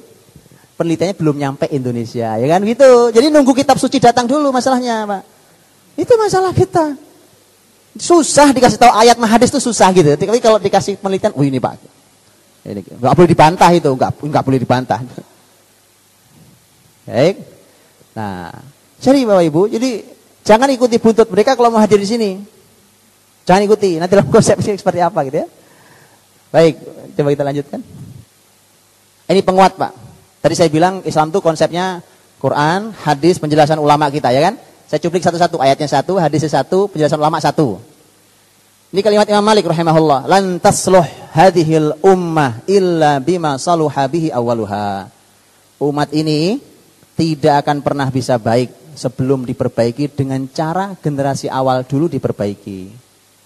Itu kalimat orang hebat, Pak. Imam Malik rahimahullah. Kalau kita kenal Imam Syafi'i rahimahullah itu salah satu muridnya Imam Malik. Bisa dibayangkan tuh guru kayak apa hebatnya. Ada guru melahirkan orang yang pinternya sama kayak gurunya, bahkan dalam beberapa wilayah lebih pinter dari gurunya. Kan hebat, Pak. Hebat banget tuh majelis ya kan. Ilmu kampus itu hebat banget itu pasti. Kalau sekarang murid gak boleh lebih pintar dari gurunya. Nah, itu itu muskilah tuh, ya masalah sekali. Ya, guru nggak boleh tuh muridnya bantah, kamu bantah aja lagi, kamu tahu apa sih? Gak benar pak. Guru itu harus harus mendorong mereka untuk lebih hebat dari saya. Ayo nak, kalau lebih hebat dari saya, aku tuh bisa begini, ini gurumu nih bisa begini gitu ya, bisa begini ini kan belajarnya baru, bapak ibu guru juga baru ngerti, belajarnya udah tua baru belajar, kamu kan masih muda, masih kecil, masih usia remaja, dewa, umurmu masih masih luar biasa, ayo dimulai gitu, harus lebih pintar. Ini kalimat orang hebat, Imam Malik rahimahullah. Imam Malik mengatakan tuh, umat ini tidak akan pernah baik, Pak. Sebelum diperbaiki dengan cara generasi awal dulu diperbaiki. Silahkan cari konsepnya, mengatasi narkoba. Ini masalah generasi kan? Silahkan cari Pak konsep lain. Tidak akan pernah bisa diperbaiki kecuali ketika mereka bertanya pada Allah dan Rasulnya gimana mengatasi itu di generasi muda kita. Ada Pak? Ada. Quran bicara, hadis bicara Pak. Kalau kalau kita melihat itu Pak ayat eh, Ya ayyuhalladzina amanu innamal khamru wal maisiru wal ansabu wal azlamu rizqum min amali syaitan fajtanibu. Wahai orang beriman, eh, sesungguhnya khamr, khamr itu kan memabukkan. Khamr, judi, perjudian, al maisir, kemudian berhala, kemudian mengundi nasib, semuanya kotor, najis semuanya, kotor dalam arti kotor secara perbuatan, kotor jauhilah. Ya. Itu begitu ayat dibacakan, sahabat tuh ada yang lagi duduk ngumpul gini mau minum khamar. Bahkan diriwayatkan itu bibir gelas itu sudah nempel di bibir kita. Tinggal dituang itu khamarnya. Karena waktu itu belum ada pengharaman secara total seperti ini. Gak jadi pak, dibacain ayat dibanting tuh, dibuang. Sekarang tanyakan pak, di mana ada konsep, di mana ada konsep yang bisa begitu? Anak-anak udah maaf nih, maaf, udah siap nyuntik, gitu ya? Dibacain ayat, berhenti gak nyuntiknya pak? ngomong apa sih be? Soalnya nggak ngerti ini, ini ini anak muda. Maka harus nanya, gimana tuh Nabi caranya menghadirkan generasi yang tadinya senang mabuk, orang Arab senang mabuk, Pak. Bu. Makanya ketika ketika itu ayat turun, sahabat menyebutkan Madinah banjir dengan khomer. Jadi mereka ke masjid itu kakinya inian khomer, Bu. Bukan air genangan air, genangan khomer gini. Ke masjid. Betul kan? Saya bisa bayangkan generasi kayak gitu, hasilnya kayak gimana caranya? Nah, makanya kalau tidak cara Nabi tidak bisa. Baik. Lanjut.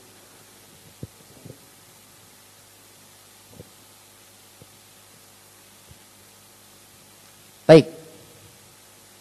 Kita lihat dulu ini biar kita berpikirnya runtut.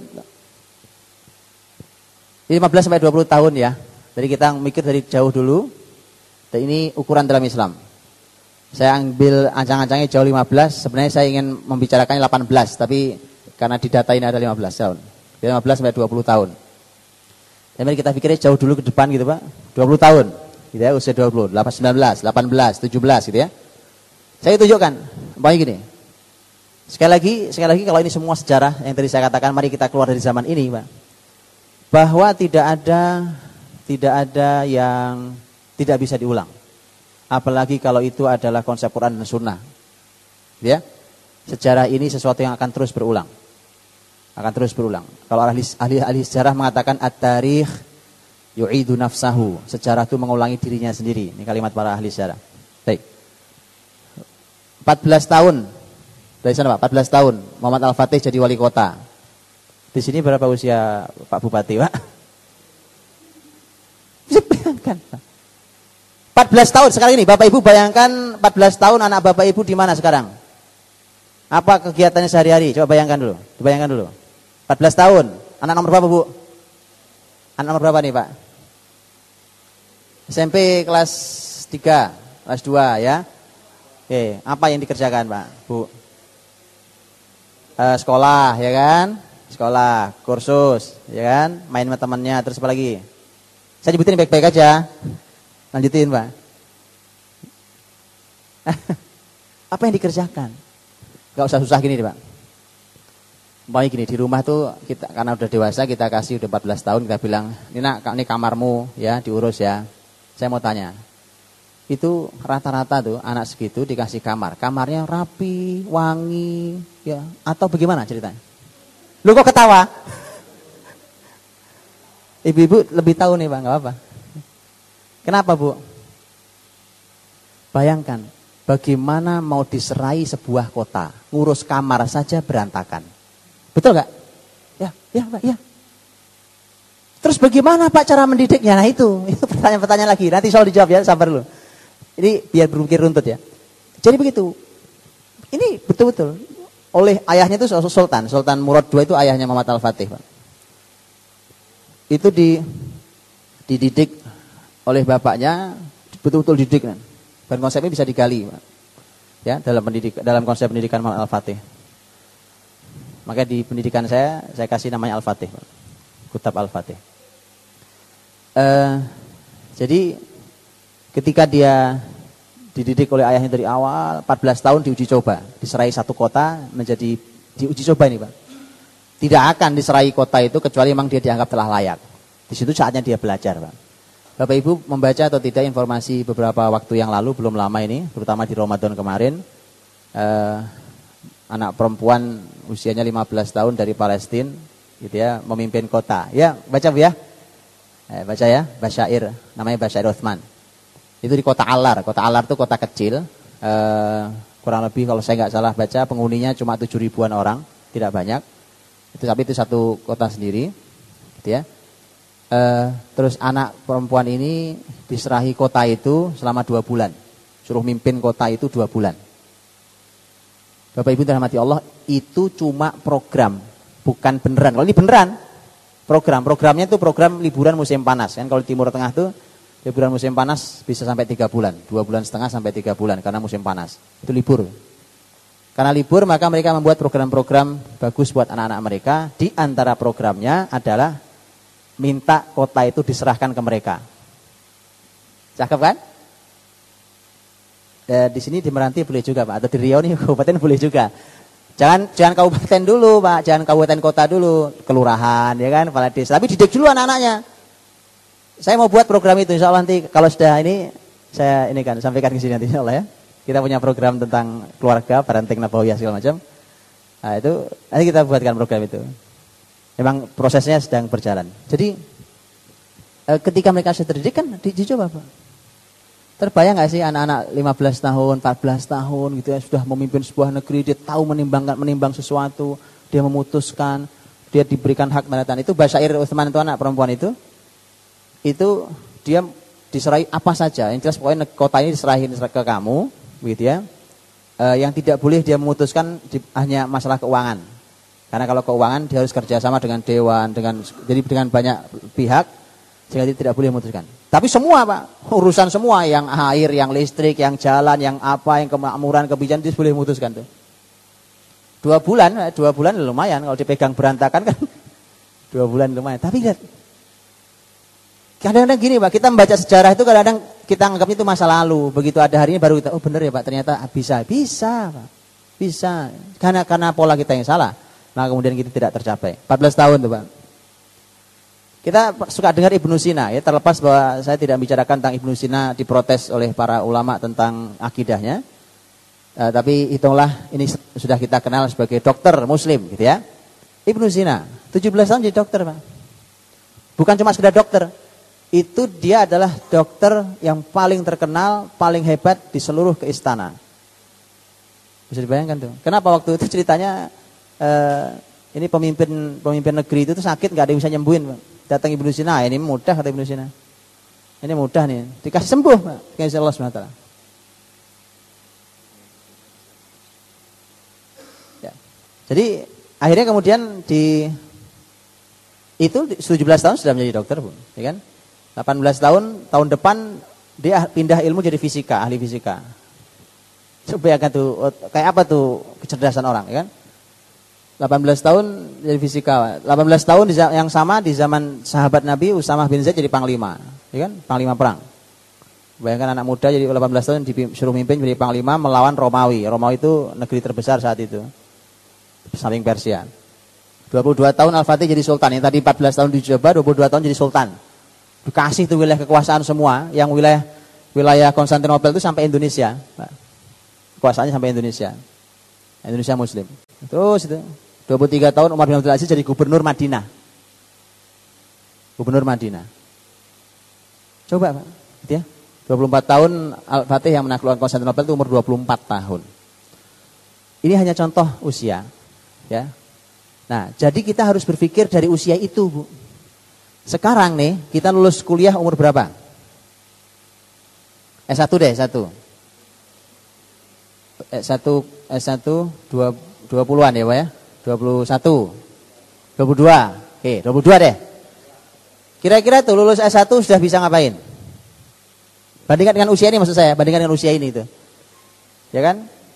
Kerja, mau kerja di mana, nikah, gak berani, mau S2 lagi apa? Iya saya S2 lagi apa kuliah lagi gitu kan? Ya, kalau bapaknya punya perusahaan bisa jadi lanjutin perusahaan bapaknya kalau nggak ada ya. jadi artinya ada masalah sangat serius pada pendidikan kita ini ya. uh, apa ini? Ah begitu pak. Jadi kita kira-kira ini ini saya bicarakan dengan bahasa hari ini. Ini bahasa hari ini ya hanya yang bawah karena fokus pembahasan kita di bawah itu, maka kemudian yang atas saya bahasakan bahasa hari ini. Bahwa 5 sampai 12 tahun saya sudah tulis di tulisan kita itu bahwa 5 sampai 12 tahun itu usia kutab namanya. Dan kutab itu ada saya sudah jelaskan di sana, mohon dibaca Bu ya. Mudah-mudahan sudah dibaca. Di situ sejarahnya supaya kita tahu dulu Islam menyebut usia 5 sekolah di usia 5, pendidikan di usia 5 sampai 12 tahun namanya bukan madrasah tapi kutab. Namanya kutab gitu ya. Makanya di tempat saya pun saya buat namanya kutab aja udah gitu. Ya. Namanya kutab dah. Ya itu uh, madrasah di, ter, di terjemahan sekolah hari ini. Tapi saya sudah sebutkan di sana bahkan tulisan tentang madrasah, sekolah, school, uh, kutab. Jadi itu 5 sampai 12 tahun. 12 16 ini dalam breakdown saya breakdown itu ya. 12 sampai 16 tahun harusnya SMA cukup, Pak. SMP SMA cukup itu. Kelamaan nanti sekolah enggak usah lama-lama, Pak. Ya. Kalau kurikulum bisa diringkas kenapa harus diperpanjang? Bahkan sekarang di banyak negara sudah banyak modifikasi. Kita masih kelamaan sekolahnya memang. Betul, masih kelamaan. Uh, ya, kalau kelamaan ilmunya ada nggak apa-apa. Kalau banyak ilmu yang ternyata nanti tidak banyak dia pakai kan sayang juga. Baik ya. Uh, 16 18 jenjang kampus tapi di sela perjalanan 12 sampai 18 itu harus terbangun banyak hal maka ujungnya gitu Pak 18 atau 20 tahun dia harus menguasai ilmu syariat yang sudah sangat mumpuni di semua ilmu di semua ilmu di semua ilmu syariat mau bicara tentang fikih usul fikih hadis ilmu ulumul hadis Quran tafsirnya eh, segala macam ilmu syariat dia sudah mumpuni di situ di saat itulah ilmu umum berbasis syariat juga dia sudah kuasai, bukan cuma ilmu umum saja. Artinya kalau cuma S1 saja sederhana sebenarnya. Gitu ya. E, jadi ilmu umum berbasis syariat. Kayak apa tuh maksudnya, Pak? Gitu ya, itu itu perlu memang digali. Umpamanya begini, Pak. Hari ini Bapak Ibu kalau membaca buku tentang e, umpamanya e, sains, sains berbasis Quran, umpamanya gitu ya. Itu udah banyak sekali. Silakan dibaca, kurang lebih suasana itu yang diperlukan hari ini, Pak. Saya kasih contoh nanti um, nanti saya saya setel di terakhir mungkin ada beberapa yang bisa jadi inspirasi buat kita. Bagaimana seorang dokter eh, seorang dokter Jamil Al Qudsi umpamanya ini dokter spesialis penyakit dalam dari Yordan eh, dan itu meneliti Quran selama 10 tahun untuk ilmu nutrisi keseimbangan. Hasilnya hasil penelitian itu ditulis dalam 15.000 halaman dan ini diakui ilmunya oleh eh, dari mulai Amerika sampai Robito Alam Islami. Itu mengakui ilmu beliau. Ya, bahkan itu diminta untuk disampaikan pada muslimin. Dan itu hal-hal ini eh, ketika beliau gundah, saya sebagai dokter spesialis kok nggak bisa ngobati orang. Maksudnya eh, kalau ada orang asma gitu, Pak, disuntik sembuh. Tapi itu menyembuhkan atau cuma menghilangkan sesaat? menghilangkan sesaat. Gak usah susah-susah pak, asam urat. Ya, asam urat penyakit kayaknya gampang betul. Tapi itu di kedokteran gak ada obatnya. Ini contoh ilmu, contoh ilmu. Uh, itu perlu digali pak, dan beliau menggali. Ini salah satu yang sudah digali. Kan masih banyak tugas yang lain para dokter lain. Begitu juga, umpamanya bapak ibu bicara tentang apa nih? Ada yang ahli uh, ahli bangunan pak, umpamanya ahli bangunan. Salah satu kalimat Rasul, salah satu tanda akhir zaman adalah kathrotu zalazil, banyak gempa. Jadi harus dibangun rumah tahan gempa kan gitu. Harus dipikirin gimana caranya Pak ya. Karena Kobe berantakan juga itu Jepang waktu gempa. Padahal mereka ahli dalam masalah pembangun e, bangunan anti gempa segala macam. E, jadi gimana caranya? Pelajari Pak. Quran digali akan ketemu. Ini teman-teman kita di di Jakarta tim tim kita e, sedang banyak meneliti ya dari, dari ITB segala macam lagi meneliti di antaranya surat An-Nahl ya An-Nahl tentang rumah lebah pak karena rumah lebah itu setelah diteliti ternyata sangat kuat sangat kuat dan dia tidak mudah robek gitu ya sangat kuat sekali pantas kalau Quran menyebut pembuatan rumah lebah itu seperti wahyu wa id auha rabbuka ilan nahli anittakhidhi minal jibali buyuta dan seterusnya Allah menggunakan kata auha auha itu artinya diwahyukan diwahyukan Kata wahyu artinya macam-macam, Pak. Ya. Tapi ini akar katanya sama dengan kata wahyu. Begitu kuatnya. Padahal bicara tentang pembuatan rumah lebah oleh si lebah itu. Makanya lagi diinspirasikan. Sedang dibuat, rumahnya sedang dibuat, lagi diuji coba terus. Dan seterusnya, Pak. Yang begitu itu yang ditunggu dunia. Sudah bingung bumi ini, Bu. Itu lagi ditunggu dunia konsepnya. Nah, itu disebut dengan ilmu umum berbasis syariat. Ya, kemandirian eh, dan kematangan itu begitu. Itu orang tua kan suka khawatir, Pak, kalau kalau saya anak saya belajar Quran terus ntar punya duit nggak ya Pak? Gitu ya? Ya gitu Pak. Eh, itu makanya di situ kemandirian dan kematangan. Matang secara psikologis matang, secara jiwa, kejiwaan dia matang seterusnya. Ya. Tiga lagi. Lanjut, ini lanjut ya. Kenapa kutab? Karena silakan dibaca di situ ya. Ini semua tulisan yang tadi itu menjawab satu slide itu, Pak. Jadi mengapa kutab itu menjawab satu slide itu. Ah, saya ingin sampaikan ini, Pak, hadis Nabi SAW. Ini ini kunci besarnya. Saya kasih kunci besarnya dulu gitu, Pak. Kunci besarnya. Sebelum nanti kita bicara teknis, detail segala macam. Waktu kita nggak ada saya. Rahasia keberhasilan Rasul mendidik sahabat. Ini hadis Ibnu Majah, diriwayatkan oleh Imam Ibnu Majah dalam sunannya, Imam At-Tabrani dalam Al-Jam Kabir dan disahihkan oleh Al-Albani rahimahumullah tajmain. Ini uh, hadis dari Juntub bin Abdullah Al-Bajali radhiyallahu anhu. Juntub bin Abdullah Al-Bajali mengatakan kalimat ini dan ternyata yang mengatakan ini bukan cuma Juntub, Pak. Abdullah bin Umar juga mengatakan kalimat ini. Jadi sahabat-sahabat Nabi mengatakan kalimat ini menunjukkan bahwa ini kunci utama pendidikan di dalam Islam di awal, awal sekali dan nanti berikutnya tinggal mengembangkan. Uh, kata Jundub kunna ma'a nabiyina sallallahu alaihi wasallam fityan fityanan hazawirah. Kita waktu bersama Nabi masih usia muda. Hazawirah itu menurut para ahli uh, ahli bahasa, hazawir itu uh, usia sebelum balik atau menjelang balik. Berarti kan masih berapa umur kita sekarang menjelang balik? Balik berapa sih Bu sekarang anak-anak kita? Kalau di sini berapa di Rio kan beda-beda nih antara kota besar, kota kecil beda-beda. Ya kan? Ya. Balik kok 18 atau 12. Balik berapa, Bu? Pak. 12 13. 12. Ada 15. Ya kan? Nah, sebelum usia itu tuh, sebelum usia itu lihat nih. Fata'allamnal iman qabla an nata'allamal Qur'an. Kami diajari iman sebelum diajari Quran. Fata'allamnal ta'allamnal Qur'an fanazdadu bihi imana.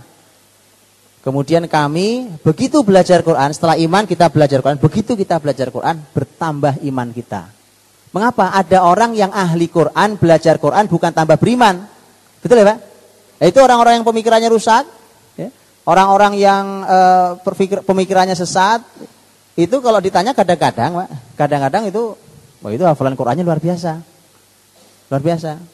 Bahkan ada yang hafal Quran 30 juz. Itu belajar Quran tidak menambah iman. Makanya diajari, ditanam di awal adalah iman. Nanti iman itu apa segala macam nanti ada kurikulumnya, Pak. Harus ada, ada yang harus di, di dan itu subhanallah, para ulama kita sudah meninggalkan itu semua dalam karya mereka. Hari ini kita tinggal menuangkan. Uh, nah, terus beliau mengkritik, Pak, fa innakumul yaum fa innakumul yaum al Qur'an qabla iman. Masalahnya kalian hari ini kalian belajar Quran sebelum iman. Ini kan sahabat. Kalau sahabat ngeritik berarti dia ngeritik generasi berikutnya, yaitu tabi'in. Sahabat Jundub dia ngeritik generasi berikutnya, generasi tabi'in. Kata Jundub, kalian kalian ini salahnya belajar Quran sebelum iman. Loh, urutan aja pakai tadi saya bilang di depan tadi ya urutan itu kalau salah jadi salah. Ya tadi kan yang saya bicara matematika tadi Pak. Ilmu matematika tadi itu kalau diingat. Makanya para ulama sepakat sepakat bahwa kualitas sahabat dengan kualitas nabi itu turun, Pak.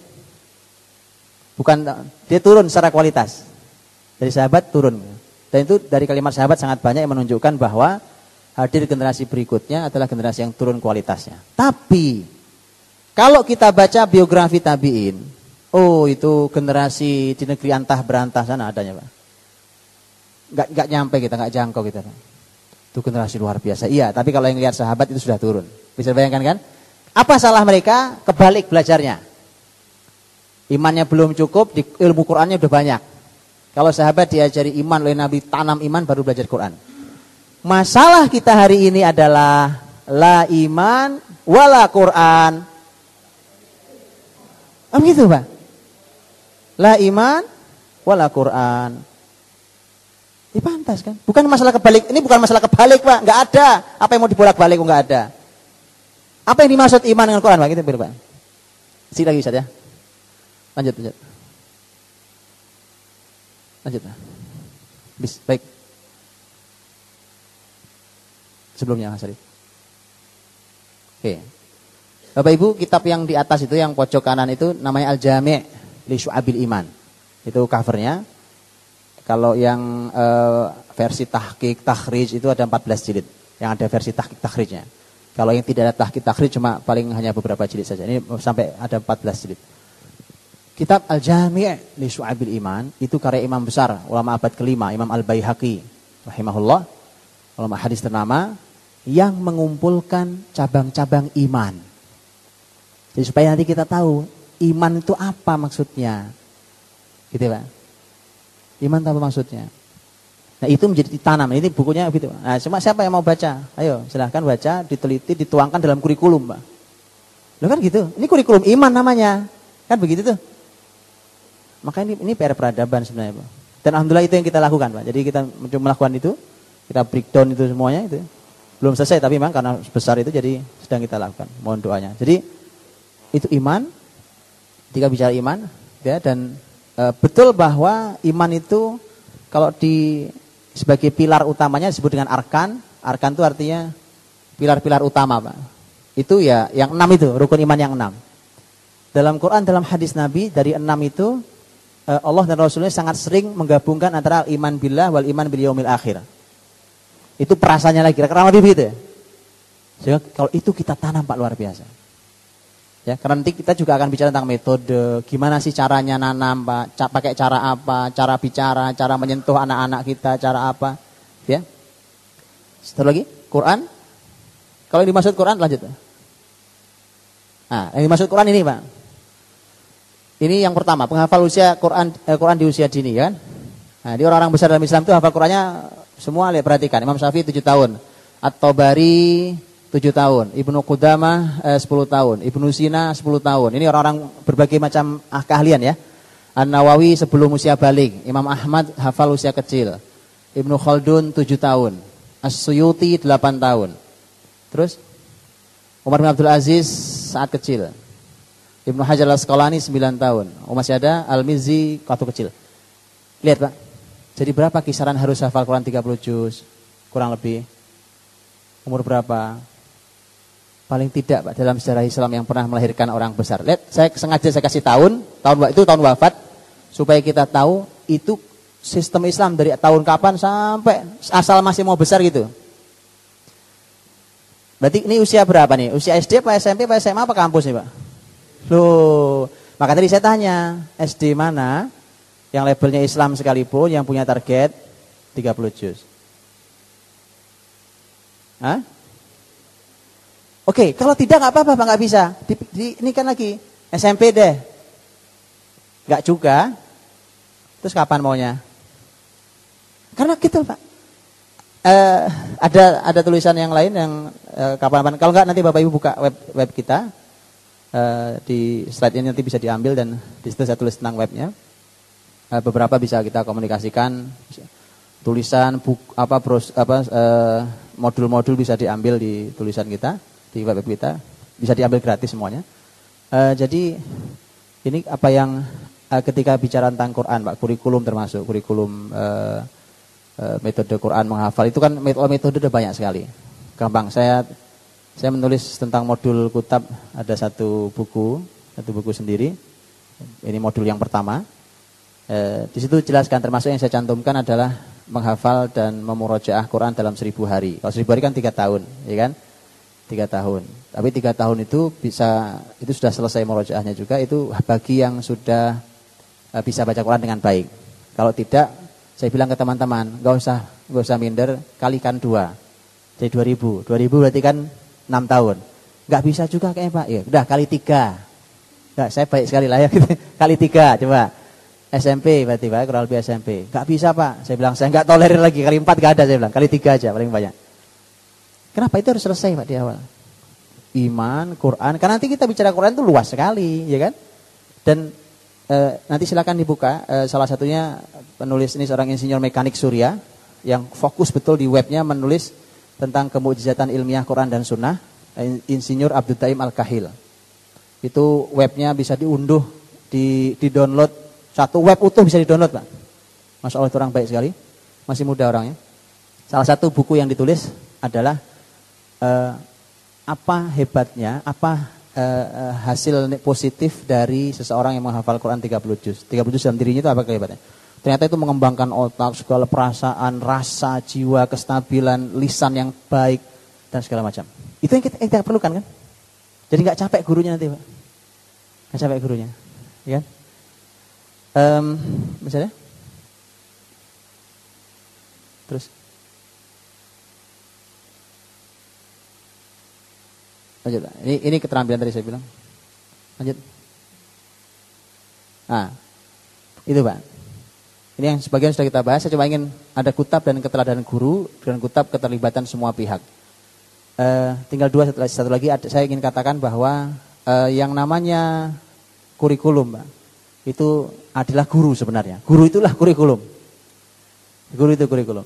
Bayangkan tadi kalau guru itu tidak bisa diteladani, tidak bisa dikagumi, susah belajar. Dari pelajaran. Guru itu harus bisa diteladani, bisa dikagumi. Ini dua hal dipegang tuh. Bisa diteladani, bisa dikagumi. Ya. Kalau ini sudah terjadi Pak, nggak ada tuh belajar beban berat nggak ada. Insya anak-anak kita itu kita akan heran, anak ini punya kecepatan ilmu luar biasa karena tadi gurunya menyenangkan, mengagumkan, membanggakan. Nah kalimat menyenangkan itu bukan lompat-lompatan dong tadi bu, lompat-lompatan gurunya kuda-kudaan sama muridnya. Bukan itu maksudnya, bukan itu maksudnya. Dunia bermain bagian anak iya. Ya nanti kita perdalam di uh, pertanyaan jawab insya Allah. Satu lagi terakhir adalah ah, ini penting Pak. Kalau pendidikan tanpa orang tua keterlibatannya susah sekolahan Pak. Susah. Saya sengaja buatkan slide khusus ini karena uh, yang saya maksud orang tua, oh ada dalam kurung ibu dan ayah. Karena biasanya kalau dikasih undangan ini di Jakarta, di Riau saya nggak yakin itu. Kalau di Jakarta itu kalau dikasih undangan oh, bagi orang tua datang tanggal sekian di sekolah dan segala macam, yang datang ibunya saja itu Jakarta, ya kan? Di Riau insya Allah sih saya nggak tahu. Saya nggak tahu ya, kalau di Riau gimana. Yang datang ibunya saja, Pak. Saya bilang nih anak lahir dari batu ya. Kok ada disebut orang tua yang datang? Ibunya saja. Bapakmu ke mana? Bapaknya nyari duit. Orang hari Minggu kok nyari duit? Rajin bener nyari duit. Jadi gitu Pak. Ini, ini perlu didorong. Bicara tentang parenting ya nanti bisa dibuka dibaca di web kita parentingnabih.com. Imam Ibnu Qayyim terakhir, Imam Ibnu Qayyim mengatakan begini sampean Pak. Ini dalam kitab beliau Tuhfatul Maudud bi Ahkamil Maulud. Kalau Anda amati kerusakan generasi ini penyebab utamanya adalah ayah. Kalimat Imam Ibnu Qayyim rahimahullah. Bapaknya nggak pernah tahu pendidikan anaknya kayak apa coba. Ya? Makanya, walau bisa, mohon maaf salah kurangnya, mohon maaf kalau ngambil waktu yang lebih banyak. Assalamualaikum warahmatullahi wabarakatuh.